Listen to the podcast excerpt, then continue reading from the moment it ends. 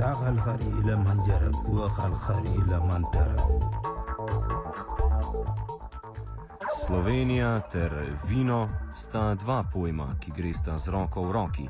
In tako ni prav nič nenaravno, če se nekajkrat na leto organizira kak festival posvečen vinu na splošno, kaki posamezni vrsti in pa sami kulturi pitja omenjene kapljice.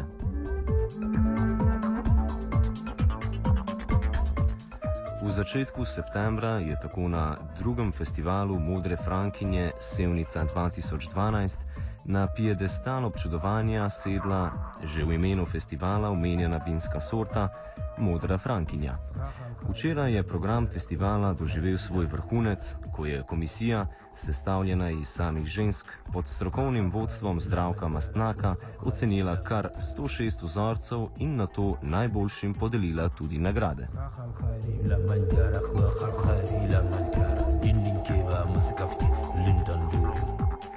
Pa vendar se osredotočimo najprej na sam festival. O njem nam je več povedal vodja festivala Rok Petančič.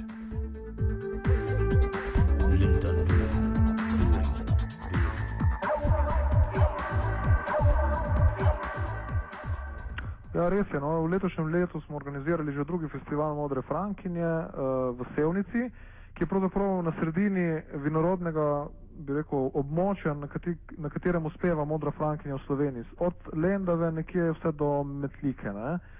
Tako da v letošnjem letu smo zbrali uh, 106 vzorcev, uh, dobrih 70 uh, vinarjev, tako priznanih vinskih kleti kot manjših vinarjev se je odločilo dati vzorce in smo jih včeraj, 4. septembra, tudi ocenili, oziroma jih je seveda ocenila strokovna komisija pod vodstvom samih priznanih en enologin. Uh, zanimivo je predvsem to, no, da, te, uh, da je pač komisija bila sestavljena iz, izključno iz žensk, to, to pa zato, ker je pač modra frankinja, um, rekel, ženska sorta vina, ki in smo pač na, naredili tako, da Eh, da ženske ocenjujejo žensko. Ne. Glede na odziv, oziroma glede na število prijavljenih, bi lahko rekli, da je zanimanje v porastu, kar se tega tiče. Ja, res je. Eh, lansko leto, ko smo organizirali festival prvič, eh, smo dobili 86 vzorcev, letos pa 106. In v letošnjem letu smo tudi tri vzorce dobili iz tujine, iz Hrvaške. V prihodnje se pa nadejamo tudi, da bomo stopili še nekoliko čez druge meje, čez, uh, v Avstrijo, na Mačarsko oziroma na vse države, pač, kjer pač Modra Frankinja uspeva. Tako da imamo ambicijo, da ta festival postane tudi mednaroden.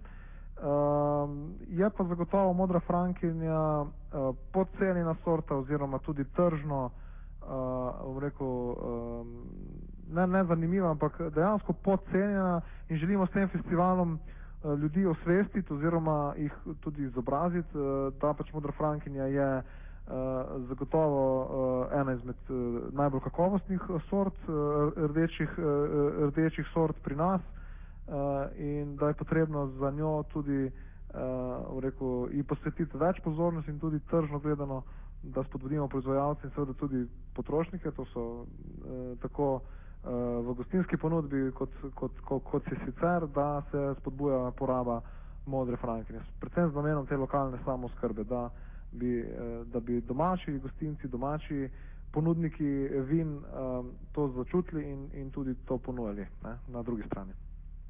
Katere so pa značilnosti modre frankinje, torej iz katerih sort grozdja se dela in kateri so atributi, ki krasijo njen okus? No, modra frankinja je samostojno grozdje, to ni eh, zvrst, ampak je so, sortno vino, se pravi, se prideluje samo iz ene sorte grozdja. Eh, eh, tako da njeni atributi so pa dejansko, je to zelo bogata, mm, eh, bogata sorta, ki eh, oziroma je je narejena iz grozde, ki daje žlahtno, žametno, bogato vino, uh, temno rdeče vino z okusi predvsem gozdnih, um, bi rekel, gozdnih sadežev, kakšne robide, maline, uh, voni, ki so, um, rekel, tudi povezani s temi gozdnimi sadeži, tako da gre za bogato, gre za bogato vino, ki je tu tudi sestavni del cvička, recimo, ki je bolj poznano seveda ne, uh, v Sloveniji uh, in uh, tudi pravzaprav uh, modra frankinja da, daje cvičku ta uh, uh, temnejši, temnejši, bom rekel, barvo, no, cvičko, ker če ne bi bil cviček še bolj, še bolj sveto, ne. Um, tako da je, in pa seveda je tudi na drugi strani sestavni del metliške črnine. Um, tako da, pravzaprav kot sortno vino, kot sama modra frankinja, pa je, kot sem že omenil, uh, ni, ni dovolj prepoznavna, ni, ni dovolj, uh, še, ljudje še niso dovolj ozaveščeni o, njeni, o njenih kakovostih, o, o njenih potencijalih, tako da si pač s tem festivalom prizadevamo to dvigniti na višji nivo ne, in tudi pospešiti, bom rekel, uh, pospešiti uh, prodajo, potrošnjo, in, uh, ampak ne v smislu pijančevanja, seveda, ampak v smislu kulture pitja vina, tudi, tudi program festivala je, je zastavljen tako, bom rekel, na nivoju. Ne? Ravno to bi bilo moje nadaljno vprašanje, kakšna je poraba recimo modre frankinje v sevnici, glede na to, da pravite, da si prizadevate, da bi ljudje to vrsto eh, bolje spoznali, verjetno eh, ni na najvišji ravni, kar se ja. tiče uporabe ljudi po gostilnah in tako ja, naprej. Uh, no, zdaj nekih uradov Teh analiz nimamo, ne, ampak po občutku oziroma po, po uh, neki os, uh, osebni, osebnem preverjanju na, na, na terenu ne, uh, še relativno malo ponudnikov, uh, fra, ponudnikov gostinskih storitev rekel, vključuje modro frankinjo svojo vsakodnevno ponudbo, tako, um, um, tako v teh barih, kot ko, ko tudi v, v večjih gostiščih restauracija, tako da si pač prizadevamo, uh, prizadevamo tudi s tem festivalom uh, dvigniti to, um, to raven oziroma tudi količino um, te frankine vključene, vključene v ponudbo gostincev, ki so pač poleg nakupovalnih centrov, poleg teh uh, seveda ključni pri uh, prepričevanju potrošnikov ne, pa uh, um, um, domačinov, da, da to sorto tu, tudi um, konzumirajo, ne, če tako rečem, oziroma jo uživajo. Ne.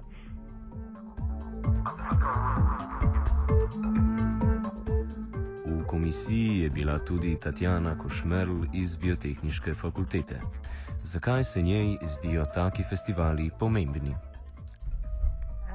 izredno Izreden pomen imajo taki festivali, predvsem, bom rekla, za same pridelovalce sorte, uh, po drugi strani pa tudi za same uh, pivce, vinolobce oziroma uh, ljubitelje vina, ki mogoče same sorte toh ne poznajo in niti ne vejo, da obstaja v tako velikem številu najrazličnejših, ne samo kakovosti, tudi pridelovalcev, pa v zelo širokem. Uh, pridelovalnem območju, dobesedno od Brežic, Bele krajine, skratka zelo široko, Lindovski goric in podobno. Košmerlovo smo poprosili tudi za natančnejši opis sorte Modra Frankinja in oris njene vloge v slovenskem prostoru.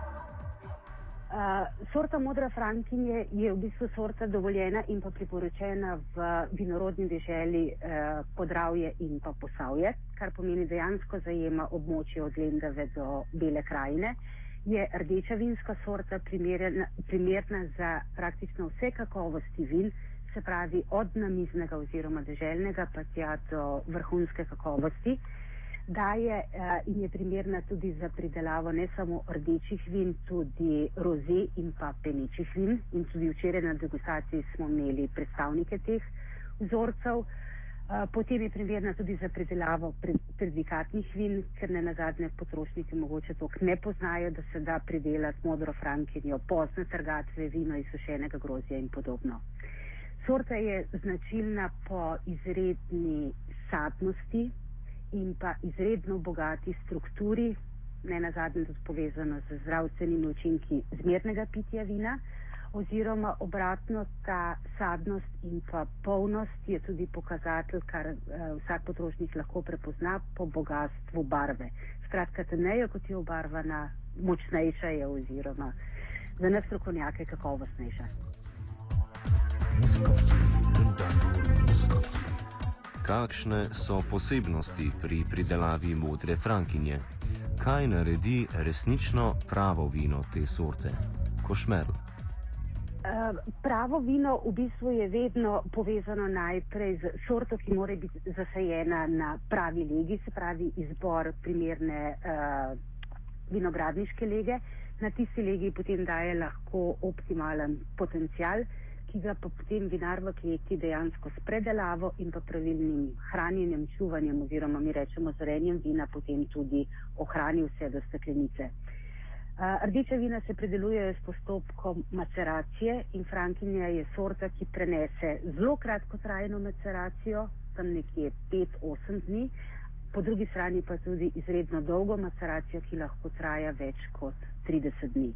Če želimo imeti mlada, sveža vina, takšnih smo imeli lani, recimo uh, letos na ocenevanju kar nekaj, se pravi, gre za lanski letnik 2011, potem so seveda značilna. Uh, za ta vina svežina, sadnost in pa sortna prepoznavnost, ki jo ne na zadnje tudi naši potrošniki vedno bolj cenijo. Po drugi strani smo imeli pa tudi vina starejših letnikov, kar pomeni, da so potem naknadno zorela daljši čas v lesenih posodah, lahko gre za večje prostornine ali pa tudi barik sode. Ne, se pravi, en tak zelo spektr uh, najrazličnejših, tudi tehnoloških postopkov pridelave. Ne. Eno so vina namenjena relativno hitri porabi, druga pa vina, ki pridejo tudi na tržišče po dveh, treh, štirih letih. Ne. En krasen primer smo imeli letnika 2006 in pa 2007, mislim, da sta bila tudi na prvih dveh mesecih. Uh, včeraj smo dobili že rezultate. No, tako da to je znak, bom rekla, pravilne tehnologije, predvsem pa ohranjanje tega, kar Frankinja dejansko ima.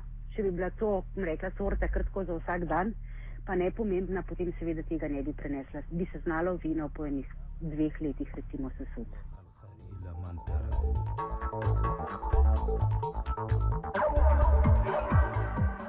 Kaj pa so pri iskanju najboljše modre frankinje upoštevali in ocenjevali? ponovno košmer. Uh, v bistvu gre za skupek vseh posameznih senzoričnih uh, parametrov, ki jih pri ocenevanju upoštevamo tudi z izpisom tega našega degustacijskega listka. Se pravi, gre za oceno bistrosti vina, barve vina, vonja vina, kjer je predvsem, bom rekla, iskanje te osnovne sortne karakteristike modre frankine.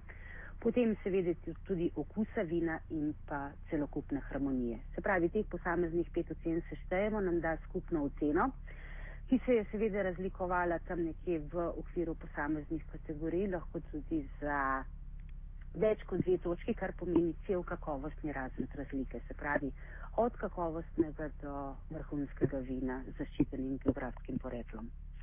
In potem seveda, ker je pri vsaki, vsakem ocenjevanju vzorec napovedan, se pravi, zaporedno številko in pa letnikom, ne? sicer pri drugih ocenjevanjih napovedana tudi sorta, ampak včeraj smo imeli, itak samo modre frankinje. Ne? Potem seveda v okviru tega ocenjuje, se pravi, veš, kakšen bi mogel biti in glede na to potem razdeliš teh svojih pet ocen.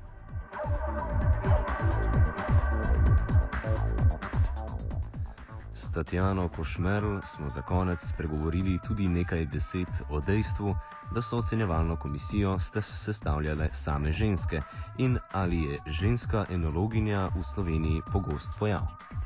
Uh, mislim, da je to za veliko večino mnenje, da je to domena moškega spola, ampak ne na zadnje so se enologinje v slovenskem prostoru praktično v vsaki drugi vinski kleti, kjer so zastopane s svojim delom, uh, uh, izredno izkazale in pustile svoj pečat.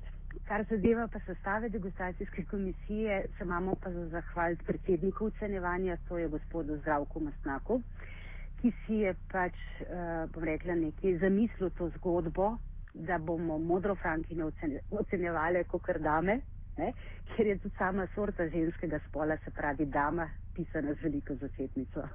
Mhm. Tukaj smo bile vse samo hvaležne za povabilo ne? in seveda smo se strinjali z tem, da si sorta mogoče zasluži, da jo ocenjujemo mi. Modra Frankinja je navdihnila offside, polone in urha. Nekaj neslišnega.